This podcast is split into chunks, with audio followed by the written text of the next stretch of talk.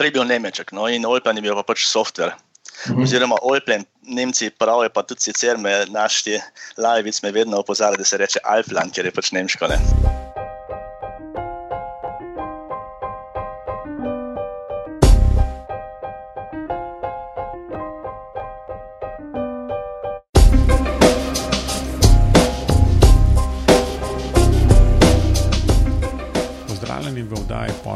Podcasta BIM Pogovori, v kateri se z gosti sploščeno pogovarjamo o informacijskem modeliranju zgradb in informacijsko-komunikacijskih tehnologijah v gradbeništvu. Z vami sva Robert in Mateoš. Pozdravljen, Robi. No, danes gostiva Mitja Ciza iz podjetja e-prostor. Pozdravljen, Mitja. Dober dan, pozdravljena. Um, Mitja, lahko v pari stavkih poveš, kdo si in kaj počneš. Ja, moje ime je Mitja Cize, kot ste povedali. Sem nekaj diplomant fakultete za gradbeništvo, to še v 80-ih letih, eh, na kar sem eh, delal v projektivi, nekaj časa v pripravi dela, to se pravi, kar nekaj časa sem bil v, v procesu projektiranja in v gradbenem procesu eh, čist profesionalno prisoten. Proti koncu 90-ih let je pa nekak kriza predvsej teh gradbenih firm pobrala, da tako rečem, in smo šli na podjetniško pot, tako da sem bil nekako soustanovitelj potem tega podjetja računalniškega, ki se je kasneje razvil v eno večjih podjetij s 50-60 zaposlenimi. Tako je, tak, tako je šla moja pot uh, do leta 2009, uh, eh, ko smo potem nekako izstopili in po njih petih letih premora. Uh, so me kolegi spet nagovorili, da bi maj pomagal pri uh, vzpostavitvi nazaj uh, ene, ene, enega podjetja, ki bi se nekaj trudil na uh, področju uh, informacijske opreme za projektiranje, to se pravi uh, programske opreme, iPlan, kot, kot veste. Um, lepo, v bistvu, lo, ne brž, ne vem, mislim, da si 17. po vrsti, 16. gost po vrsti. Um, mislim, da nismo imeli prav veliko gradbenikov, tako da Um, ponavadi, ponavadi nekako gostimo arhitekte. Je, je zelo zanimivo, sigurno, slišati um, stališča enega tazga diplomiranega gradbenika, kako, kako se to dojema skozi, skozi zgodovino. Um, ampak očitno po, po tem, kar si, kar si povedal, je potrebno, v bistvu, da, da je v gradbeništvu neka, neka kriza, da se nekaj zgodi. Tako da očitno, očitno bi jim je na pravi poti, da se prime, ker um, najbrž iz te krize lahko pridemo um, ja, recimo, ne, tudi na ta način. Ja, jaz se zelo strinjam s tem, ne? ker v bistvu vse je vedno življenje tako, da ustrajamo na nekih stvareh, vse dokler ne gre dobro. Še takrat, ko nekaj eh, se zalomi, ugotovimo, da moramo nekaj spremeniti. In eh, recimo tudi, če se spomnim nazaj eh, v 90-ih letih, ko smo prehajali iz projektiranja z risalne deske na računalniško, je bilo zelo podobno to je šlo zelo počasi, eh, nekateri so kar odnehali. Ampak dokler ni bilo krize, dokler ni bilo to nujno potrebno, pač se je še ustrajalo po starem. Ne. Potem se je pa nekako to lepo čas eh, spremenilo in so se ljudje počele. Eh, pa tudi tehnologija se je toliko, bom rekel, opomogla, oziroma toliko je postala do, dobro, da se je dalo produktivno na ta način delati vsak, vsako leto bolj. Ne. Tako da to se zelo strinjam, da mora nekaj, nekaj se zgoditi, da uh, se zbudimo in gremo na višji nivo. No, meni se zdi zanimivo, da če ti se takrat prva kriza, da ti prosila, ko uporabi računalnika, uh, se mi zdi še bolj zanimivo, da se je v bistvu ta razmah klima začel po krizi. Verjetno je pač tista kriza sprožilec, da so ljudje začeli razmišljati na drugačen način. Ampak zdaj se v bistvu razmahne, se pa začne po krizi, pa zdaj v bistvu te prve korake lahko vidimo tudi v industriji. Ali se to čuti tudi pri vas, kot ponudnikih programske opreme, da se že kaj premika v to smer, ali še vedno se tipa iz industrije malo naokrog? Jaz bom rekel, zdaj lahko imam izkušnje zadnjega leta in pol. In moram reči, da uh, ker sem malo gledal zdaj nazaj, kaj sem pisal, oziroma kaj smo, kaj smo povedali ob začetku, o predstavitvah.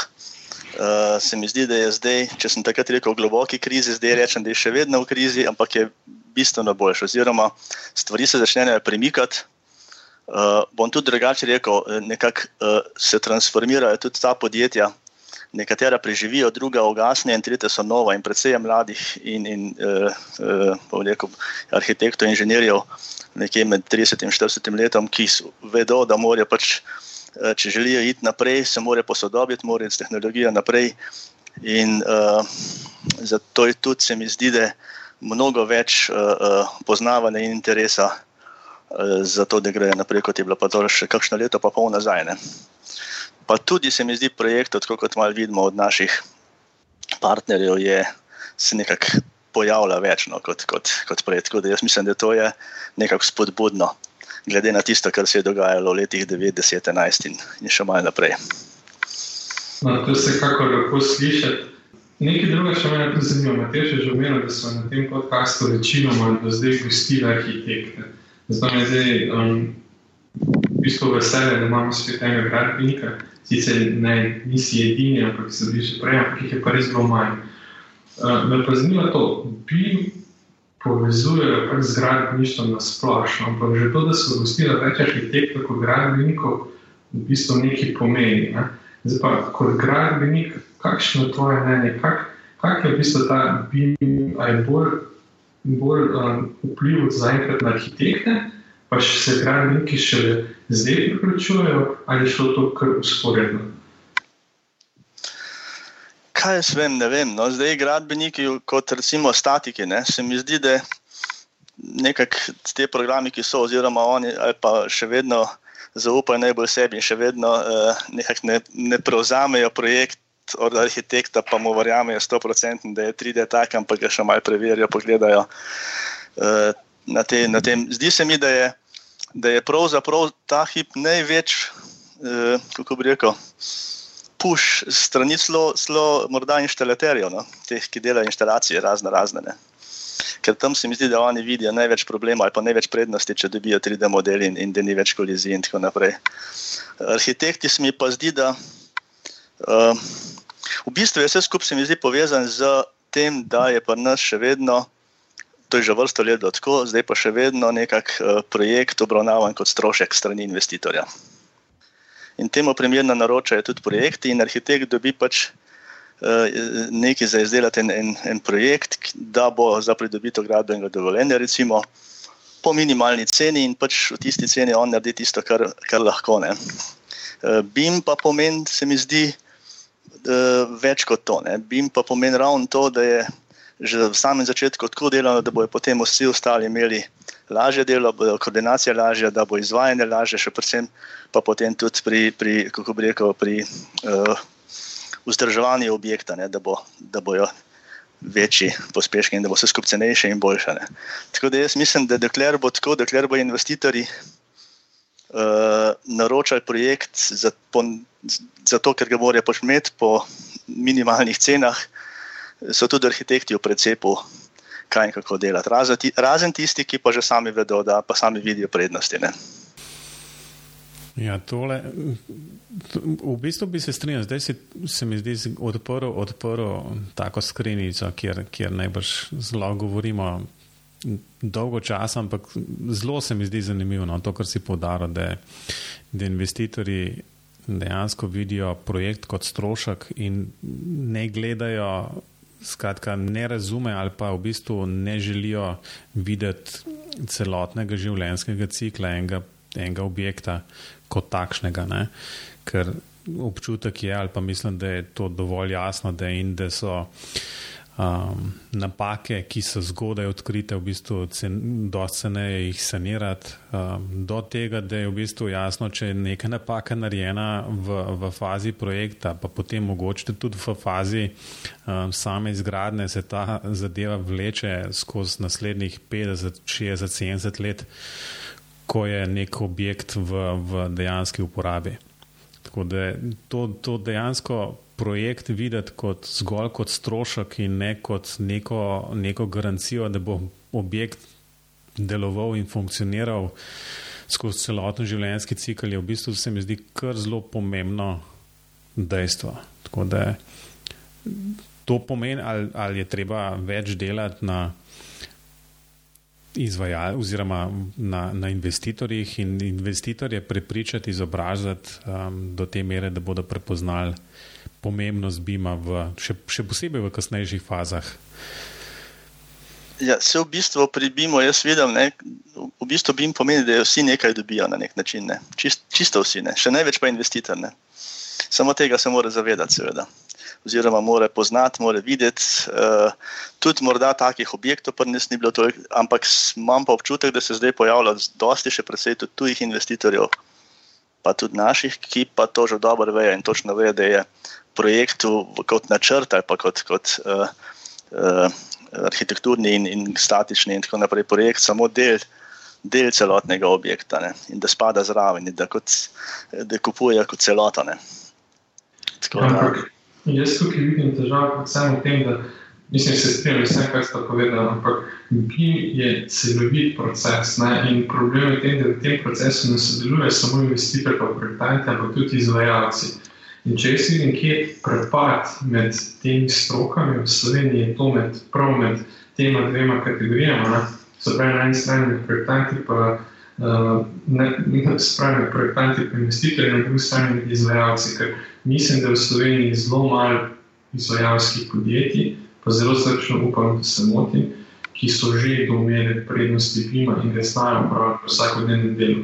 Splošno, ker v Sloveniji tudi če vemo, da je ne vem, koliko 95% vseh podjetij, mikropodjetij, se pravi, SPL, pa do 10 zaposlenih. In ja. taki, ne verjamem, da so v zadnjih letih po krizi vlagali v izobraževanje. In sem zelo prepričan, da jih vrne delež ne ve, kaj bi. Ja, to se jaz strinjam. Sicer ni njih naše področje, uh, ko bi rekel, uh, dela, ne, tako da bi vsakodnevno komunicirali z, iz, z izvajalci. Tudi čeprav, glede na to, da je del softvera tudi temu namenjen, bo tudi potrebno vse več posvetiti njim. Eh, predvsem se mi zdi, da je zelo pomembno za BIM združenje ali pa razne take, kako reko, druge inštitucije, da bi tudi dvigali uh, awareness ali zavedanje tem, da, da je to pomembno. Je pa tako, ne? če se jaz spomnim malo nazaj, uh, recimo eno vrh gradbeno podjetje. Ki je žal propadlo zaradi takšnih in drugačnih razlogov, je začelo že v začetku 2003, no, 2004, 2005 so že hoteli vzpostaviti kompleten sistem uh, neke vrste BIM, no, takrat je bilo to delano na iPlanu. In sicer v lastne namene, se pravi, tudi če dobijo projekt na papirju, pa, pa od projektanta, oni za to, da sami da bodo sami znali izračunati lastno ceno, da bodo znali izračunati vse plane, da bodo lahko videli, dokam gredo lahko s ceno, da bodo lahko potem tudi uspešno naredili. Uh, so, imeli, so naredili oddelek, ki bi vse te projekte dodelal tukaj delčo 3D. Uh, vključno z uh, časovno komponento pojgradnje, vključno z stroški, uh, ampak nažalost, te velike podjetja so zaradi takšnih in drugačnih razlogov, se jih poznamo, propadle in tudi to podjetje s trem črkam je bilo takšno. Tako da nekateri te začetke, nekateri so se to dobro zavedali, samo to so bili samo neki oddelki v podjetjih, prej, ne, zdaj pa teh večjih podjetij res je tudi ne viden. Tolik, ne. Manjša se pa počasi prebijajo naprej. Ne. Ja, jaz mislim, da pač v enem procesu, kjer je cena v vsakem koraku bistven element. Ne, se vemo, da ljudje, recimo, če gremo gledati te individualne gradnje, v bistvu vedno kriterij najnižja cena, pa zelo pogosto kriterij najnižja cena. Ja, ja. Tam v bistvu ne gre pričakovati, da, bo, da bojo prednosti BIM-a prišle do izraza. Se pa strinjam, da pri večjih projektih, sploh pri teh, ki so v domeni države, tam bi pa bi moral biti že zdavno zakonjen. Ja, to je najbrž res. Sigurno so pri večjih projektih večji pospeški. Čeprav jaz mislim, da tudi, tudi če gledamo, ne vem, zdaj bomo naredili en test na manjše hiške, pa tudi mislim, da bomo na Sibim združenju, na srečanju, ali to en, ena od, od, od teh eh, eh, stvari, ki bojo, ki bojo prezentirane. Da se tudi pri manjših objektih splača delati na ta način, da, laži, da lahko sodelujejo razne stroke in da je tudi za investitorje tam uh, kakšna prednost, če ima projekt tako dodelan, da potem lahko tudi uh, vem, naprej, uh, če kaj rabi, pogleda projekt, pogleda detajle in vidi se uh, v modelu. Ne. Tako da nisem čest prepričan, da, da to za, za manjše objekte sploh ni uporabno. Je pa res, da je vprašanje, dokam iti, koliko kolik daleč je treba to obdelati, koliko parametrov moraš, moraš imeti, koliko parametrov moraš poznati. Ne. Tako da ne vem. Jaz bi samo pozoril še en paradoks. Jaz sem sicer svojo gradnjo končal pred par leti, no, ampak ni pa tako star. Um, ja. Bi povedal, da izbira takih izvajalcev, ki bi vedeli, kaj to bi, bi projekt podražila, ne pa pocenila. Ja, vse, vse tiste prednosti, ki bi jih prenesel za uporabo tega modela, bi v bistvu potem izgubil na koncu. Poleg tega pa tudi povedal, zavedanje, torej, kaj bo s tem modelom pogradili počel. Ker če v tem smislu ni izobražen ali pa informiran, potem v bistvu neki prednosti. Mislim, hočem samo upozoriti na vse vidike tega problema. Ja, ja, to se strinjam. To se, to se strinjam pre... Čeprav se pravi, zdaj so nekateri izvajalci, ne, naprimer Pongrad, se kar že trudi. Ne? Tudi mi vemo, kako so naredili ta stolp, vinarium in tako naprej. Jih, jih, jih najdemo tudi v Sibim združenju. Ne? Se pravi, da želijo biti zraven, ne? da vidijo prednosti tudi oni sami. Ne? Da vidijo prednosti, da dobijo načrt v taki obliki, da se lahko sami ogledajo, kjerkoli detajl pa preres naredijo, ne? če je to če je potrebno. Ne? Še posebej se mi zdi, no, jaz pač prihajam iz tega uh, dela, Alplanje, Alplanje je bolj, poleg arhitekture, tudi ta gradben del in armaturni načrti. Uh, to je v bistvu, se mi zdi, eno najbolj dodelanih orodij za izdelavo teh načrtov. Tle pa vidimo, da, da tudi uh, izvajalcem prav pride, ena. En, sploh, če so nekaj bolj kompleksne stvari, to je res. Izvajalcem uh, ena, ena dobra armaturna risba 3D, ne, kako in kaj polož, sploh, kakšni bolj zahtevni uh, objekti ali pa vozlišča ali karkoli. Ne. Ja, v bistvu si umenil program Allplan, pa si v bistvu predno smo začeli snemati, povedal, da se to reče Alplan. A je tako prav? tako bo prav, ja. Uh, Alplan, uh, po nemško. Ja. Um, lahko, skratka, lahko, pač program je že, že predvsej v letih. Um, jaz verjamem, da so ga ene parkrat vmes napisali na nov, vsaj delno. Um, lahko ena tako zelo strnjena zgodovina v bistvu tega um, razvoja, ker v bistvu sprašujem za to, ker je prostor pač um, zastopan. Ja. Ta, ta program. Ja, iPlan to je v bistvu Alice Virplan nekak, na nek način. Ne. Se je tudi v angliški verziji podobna stvar pomeni, ampak dejansko je iPlan. Uh, to je pač, uh, jaz bi rekel, bolj programska platforma kot sam program, ker je več programov, kot, uh, ki sodelujejo z njimi ali pa ki uh, so osnova za njihovo delo, med drugim tudi za strojne instalacije AX3000, recimo tudi Frilo dela potem na tej osnovi.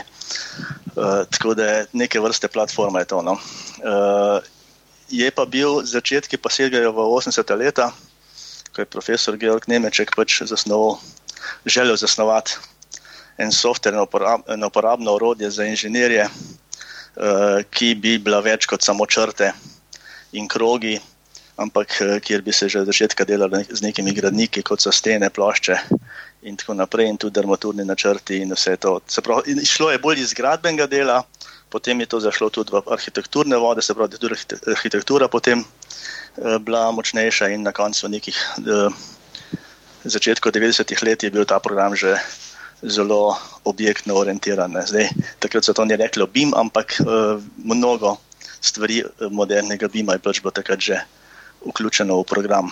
V začetku je program delal samo na uh, HP workstationih, čisto preprostega razloga, ker je proizvajalec rekel, da dokler ne bo, da sicer lahko se naredi marsikaj tudi na PC-jih, ampak dokler se ne dela tako, da je produktivno, oni tega ne bojo dali na mašino, ki ne, ni bila v stanju, uh, rekel, s takimi velikimi uh, bazami operirati. 3D elementi, takrat je bil hardware še kar malo bolj problematičen, no? tudi specialne grafične kartice in tako naprej so le potrebne. No, potem se je to razvijalo, tako da zdaj je že verzijo 17 zunaj, vmes so bile verjetno tudi drugače imenovane, tako da ni nujno, da je 17, mogoče še kaj več verzij. Uh, v, kaj neš lepše povem, v letu 2000 približno, no, iPlan je bil to produkt podjetja Nemček. Ne. Takrat je bil to Nemček in v letu 2000 se je ta Nemček malo razširil, pač želel narediti en, en pool uh, še drugih programov, ki bi lahko bolj celovito pokrili potrebe projektantov po po to vrstni IT opremi. Tudi je bil moj problem, ker je bil, bom rekel, zelo zakorenjen standard DVG. Včasih je to tudi težko narediti, kompatibilnost, čeprav se je, je Alplan to vedno bil nekako bil kompatibilen s tem. Tako da potem so se nekako v letih 2000, pa še malo, prišli do nekega strateškega partnerstva tudi za dobom. Tako da imamo tudi zdaj 3D PDF, mislim, da je tisti tudi uh, ta del, ki, ki ga uporabljajo za projekte, tudi na sodelovanje med, med Nemčkom in Adobom. No, potem proti koncu uh, prejšnjega desetletja je pa pač uh, Nemček nekako se razširil, v, povabil skupino tudi druga. Druga programska orodja, druga programska, druga programska oprema, za kompletiranje neke celotne, celotne storitve za projektiranje. Uh, in uh, leto ali dve nazaj je v bistvu program uh, oziroma programska oprema, platforma iPlan tudi svoje podjetje, Nemček, ki je pa samo grupa, skupina, ne, ki, ima, ki ima pač v svojem portfelju kupenih uh, podjetij, ki pač kompletirajo programsko opremo, potrebne za gradbeno uh, projektiranje in tudi spremljanje projektov in, in, in po izgradnji tudi. Tako da je to kar neka celovita grupacija. No. Ja, na hitro.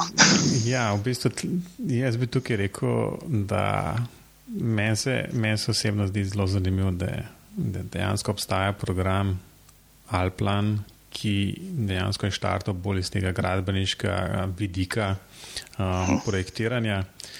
In potem šel levo in desno in arhitektom in pusto naprej k nekim inštalacijam, ko imamo pa v bistvu recimo večina teh tako imenovanih BIM programov so bolj štartali iz arhitekture, pa v bistvu stvari potem naprej dodajali.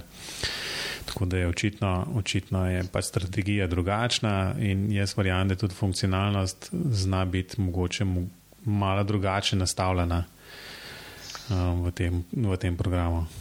Ja, če lahko sam tukaj skočim. Uh, v bistvu je, je Alplan precej dober, ali pa, ali pa zelo dober v PZI, za PZI izvedbo. Vedno, ni, to ni bilo, se pravi, tisti arhitekturni programi, ki so bili bolj za oblikovanje, so bili mal manj močni morda v detajlih in v natančnosti in v izrisih. Uh, Alplan je pa že vse čas bil, bilo to zelo pomembno.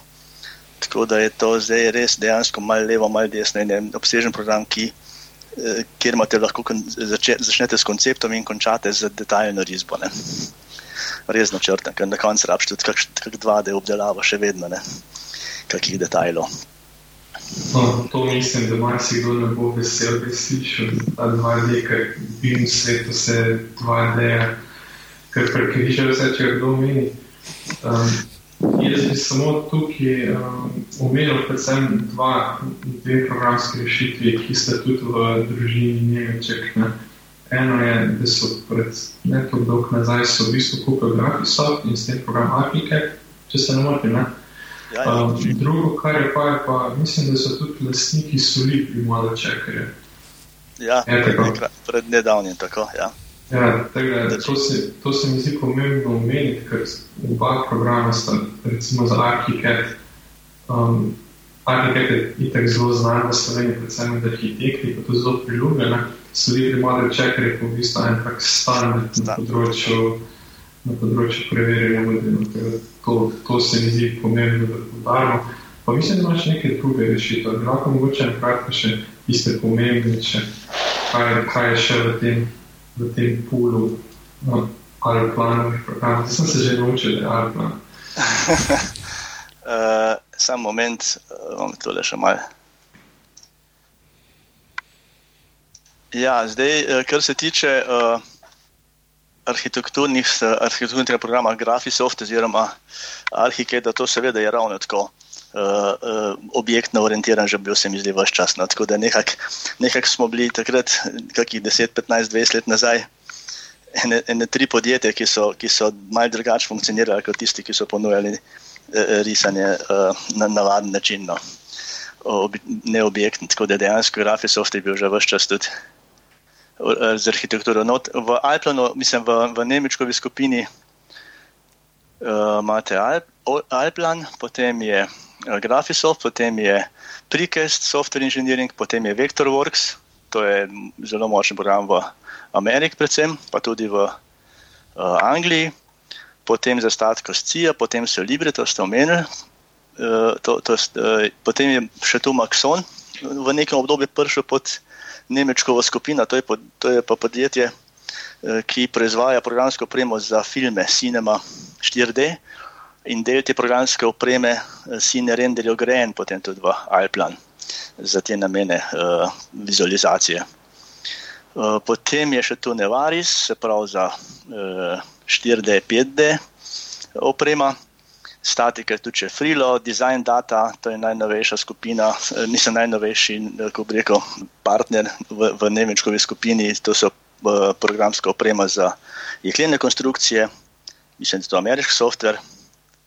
Data design sistem za uh, razne instalacije, Zdaj pa vidim, še, mislim, da je še Cream Solutions, pa Bluebeam. Bluebeam to, sta, to je tudi en, en softver, ki pač povezuje preko, jaz mislim, PDF-ja, projektante. To tudi ne poznam še toliko dobro. Tako da je kar res lepa skupina. Je, ne? V bistvu to uh, Nemček na, ne, na nek način posluje tako v, v Evropi kot v Ameriki, oziroma po celem svetu in poskuša nekako narediti celo to paleto uh, programske opreme. Zdaj, eni so bolj ali manj med seboj direktno kompatibilni, drugi pač preko IFC, no, vse Nemček je pač in iPlan tudi in vsi ti programi, v glavnem eh, člani združenja, uh, ki postavlja OpenBeam standarde. Ne. Mislim, da lani pa predlani, nekje ne vem, na enih mojih vajah, en študent prišel do mene in me pač vprašal, če lahko dela tiste vaje z, z iPlanom, in se nisem imel nič proti. Ne. In, ampak sem preko njega moral predstaviti ta program. Ja. Mi je pokazal, in sem bil v bistvu totalno presenečen, da je Alkman preveden v slovenščino. In to niti ne tako slabo. Kar se mi zdi, da v teh večjih programov, Revit, vemo, da ni. Taki, kaj, tudi če se ne motim, da ni čeprav neke nacionalne podloge, potem, ki jih pripravlja paravoznikov. Ampak Alkman je pa dejansko imel mestnik preveden. Koliko to, je to v bistvu, um, so imeli včasih toliko stran v Sloveniji, ali Mogoče veš, koliko je do tega prišlo. Ja, zelo enostavno. Nas, takrat, to je bilo že v začetku 90-ih let, ko smo to prevedli. Pač skupina, ki je na tem delala, tudi znotraj podjetja, takrat in, in tudi zunanji sodelavci, je bila v bistvu skrbno zbrana in so bili sami taki, ki so bili sposobni do dost narediti in tisti, ki, ki je imel podpor za arhitekturo, pa notranje tudi, smo se pač odločili za za prvo. To je bilo takrat izjemno velik zalogaj v nekem trenutku. In čizga, iz, razloga, razloga pa tega, ne, ker danes morda to niti ne bi bilo tako zanimivo, ker danes večina arhitektov in gradbincev na nek način bi, bilo, bi, bi čisto dobro shajala, morda tudi uh, z angliškim jezikom, nekateri z nemškim. Takrat se, pa, se nam je pa zdelo to zelo pomembno, ker je bilo mnogo arhitektov, mnogim arhitektom lažje preiditi na programsko opremo, ki je v slovenskem jeziku, predvsem se gre za razne, uh, ne tukaj za ikone, minuje, ne, ampak za razne uh, pogovorne okna, ki so pa dost poenostavila delo in približala programsko opremo uporabnikom, ki niso bili vešči uh, eh, IT tehnologije. Ne. Tako da to se nam je zdelo zelo pomembno in sem zelo ponosen, da smo to takrat uh, dejansko tudi naredili, kljub temu, da je zelo majhen trg. Ne. Je pa par več stop kako bi rekel, da je nekako tako na, na okroglo, povem, več sto licenc, ali pa precej sto licenc, pa je bilo v Sloveniji, uh, kako bi rekel, na trgu. No. Pa se ta prevod še vedno združuje? Ja, ja, to je še skozi aktualno.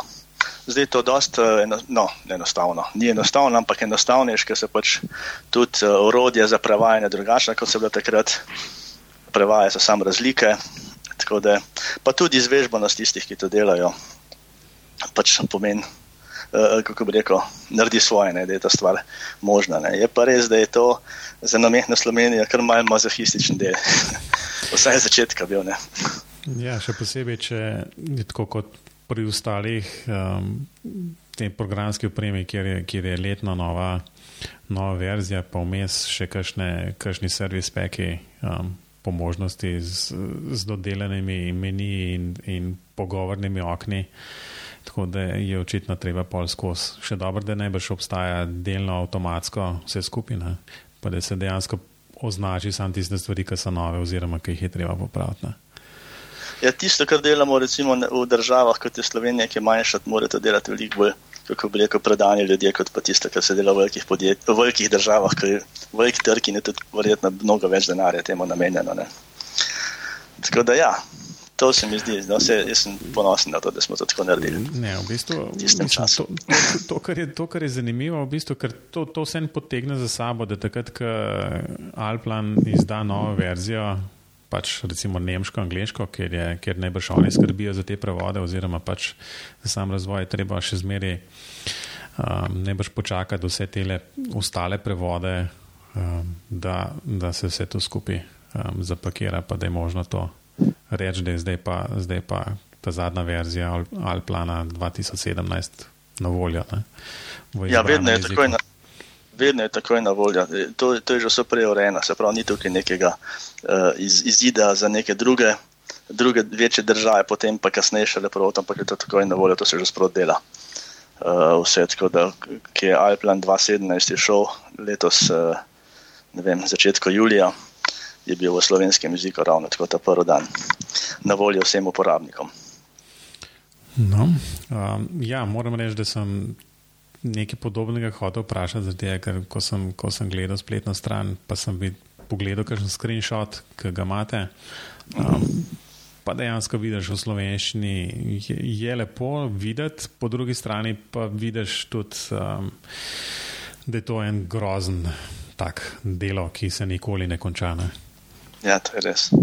Ampak sej, jaz mislim, da na nek način itak nobena stvar. Tista stvar, ki je že narejena, potem itak nimaš, ki z njo početi. Se pravi, vedno se ukvarjamo s tistimi stvarmi, ki jih je treba še dodelovati, dopolnevati ali karkoli. Tako da tako je pač življenje. V bistvu mogoče samo še vprašanje. Zdaj, a, dejansko licence, ki so a, pač zunaj tle v Sloveniji, a, imate v Máš v bistvu občutek, da večina uporablja dejansko slovensko verzijo ali, ali ne? Ker to bilo mogoče tudi zanimivo slišati. Ne? Težko bi zdaj rekel. Ja, ja, načeloma ja.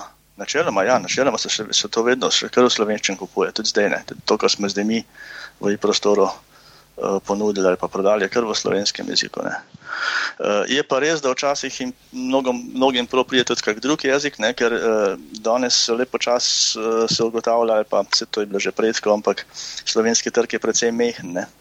In uh, mnogi iščejo, ali pa bojo, je normalno, da iščejo delo tudi drugje.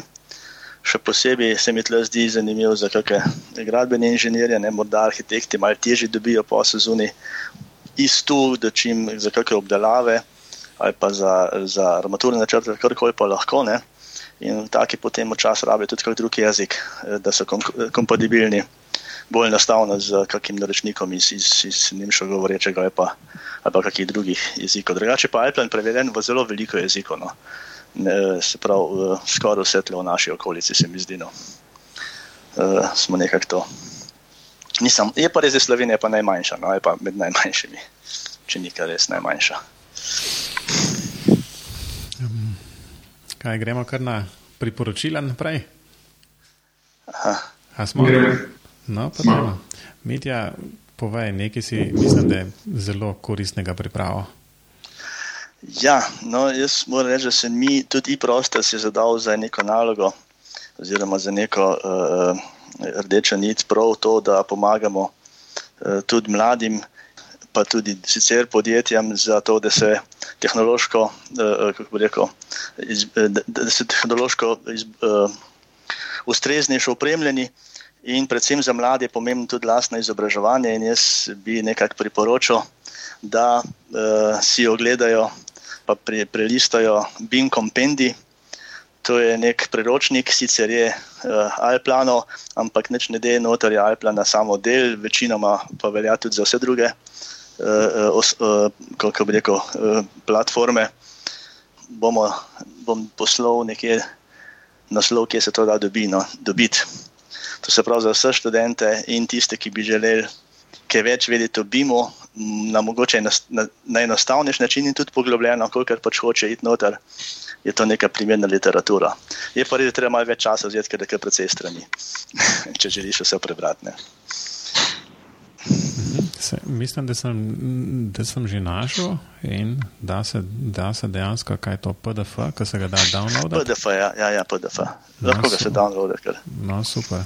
Um, bomo jasno tole polinkali zraven v zapiskih. Um, super, vedno, vedno dobrodošlo, da, da pač, um, je možno študenta ponuditi še neko dodatno literaturo oziroma dodatno material, kjer, kjer je z kakšnega drugega vidika um, vsa zadeva predstavljena. Robi, kaj pa ti? Ja, moje priporočilo danes je pa en zapis na blogu BIM.si, ki sem ga sicer enkrat že priporočil, če se ne motim, ampak zdaj pa priporočam zapis na tem blogu. Um, in sicer zapis je o definiciji in razumevanju klima.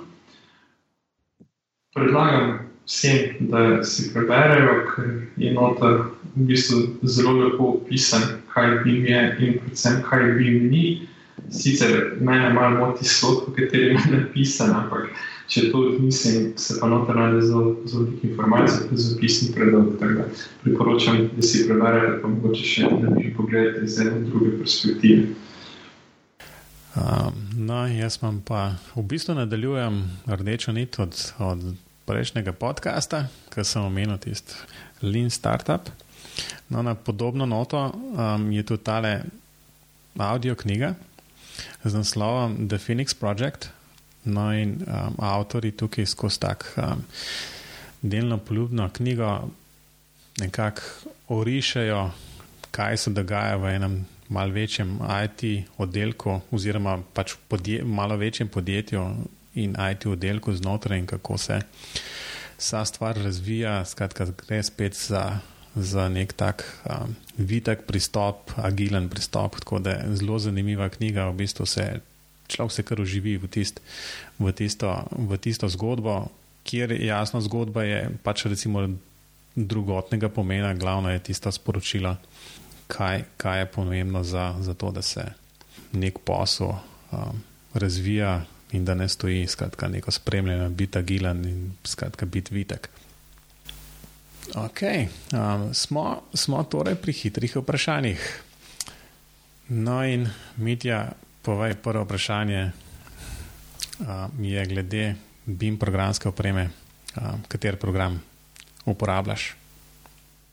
Ja, to ne bo težko ugotoviti, verjetno ne. Um. Če smo se pogovarjali o iPlanu. Ampak uh, bom rekel, nisem pa, uh, kako bi rekel zagrizen za en, v en program, ampak mislim, da je zelo pomembno, da se vsi programi uporabljajo in da predvsem so sposobni komunicirati med, so, med seboj. Ne, ker ker uh, v bistvu BIM pomeni rekel, sodelovanje, povezovanje, usklajenost, natančnost, pomeni tudi nek uh, transparenten način dela in to je mogoče sam, če več programskih opreme sodeluje, ne samo, samo ena. Tako da sicer pa seveda jasno, da je plan. No, reda. Kaj drugega nismo pričakovali. ja, no. v bistvu je prostor v bistvu ponuja še marsikaj drugega. Ne? Tako da lahko bi, lahko bi omenil še kakšen drug program, ampak Alplan, na vsak način moram pa priznati, da z Alplan, Alplanom, se upravičujem, ja. Alplan, um, res nimam benih izkušenj, tako da moram enkrat si vzeti malo časa pa to pogledati. Ker, ker. No, drugo vprašanje je tisto najpomembnejše v tem sklopu, čeprav mi te že ponovno všeč. In to je, ali je ta M v kritici in ali to razumeš kot model, kot proces, mogoče management, to se pojavlja v teku tega podcasta. Kako razumeš ta, ta M?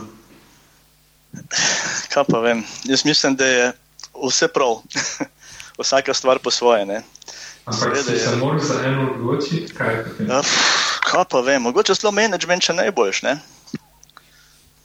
Ker, ker tega je skoraj najmanj. Ne?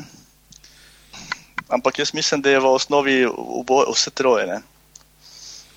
Ja, uh, seveda, še seveda, zadeva zraven. Ne? Pa še kaj zraven, ja. to sem mislil. Sej, seveda, brez modela ne gre, da to je tako osnova. Uh, procesi so pa tudi vedno zraven, tako kot je več kot en, ena oseba ali karkoli že. Tako da mislim, da je vse pomembno. Ja, sprejeto, danes je management, tako da nisem zgubil. Da... um, no, ampak v bistvu potem stane še zadnje, tretje vprašanje. Jaz mislim, da tle, tle spet lahko kar uganam, kaj boš rekel, ampak vprašanje se nanaša na OpenBeam oziroma uporabo standardov v BIM managementu, no, v BIM procesu. Um, torej, kako je s tem? Ja, jaz mislim, da je OpenBeam vsekakor, uh, kar se mene tiče, pomembna grupacija in da je zelo dober standard ali pa en poskus standarda. Čeprav verjetno ni edina, edin način komuniciranja med programi samo preko IFC, ampak lahko tudi nekateri programi sami z drugim, eh, drug z drugim komunicirajo. Naj povem, da ima iPlan možnost povezave v in izvoza po mojem, na, na eno največ, največjih, uh, kako bi rekel, uh, ta lista je zelo dolga no, z vsemi programi, ampak neka standardizacija.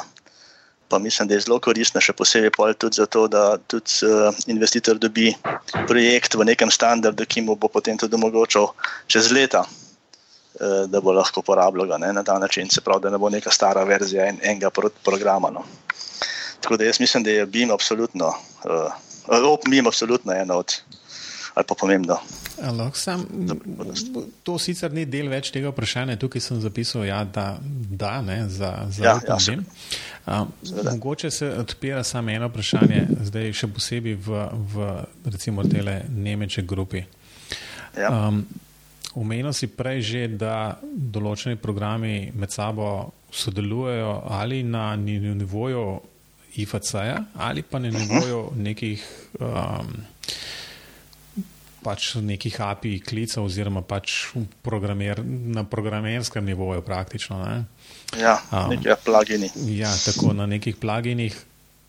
Kaj praviš, kam, kam gre ta no, trend? Bolj v IFC ali bolj v povezavo, recimo še posebej kot rečeno Nemček, um, ki združuje številne recimo temu BIM programe, ali gre stvar bolj v, v plugine ali bolj v IFC?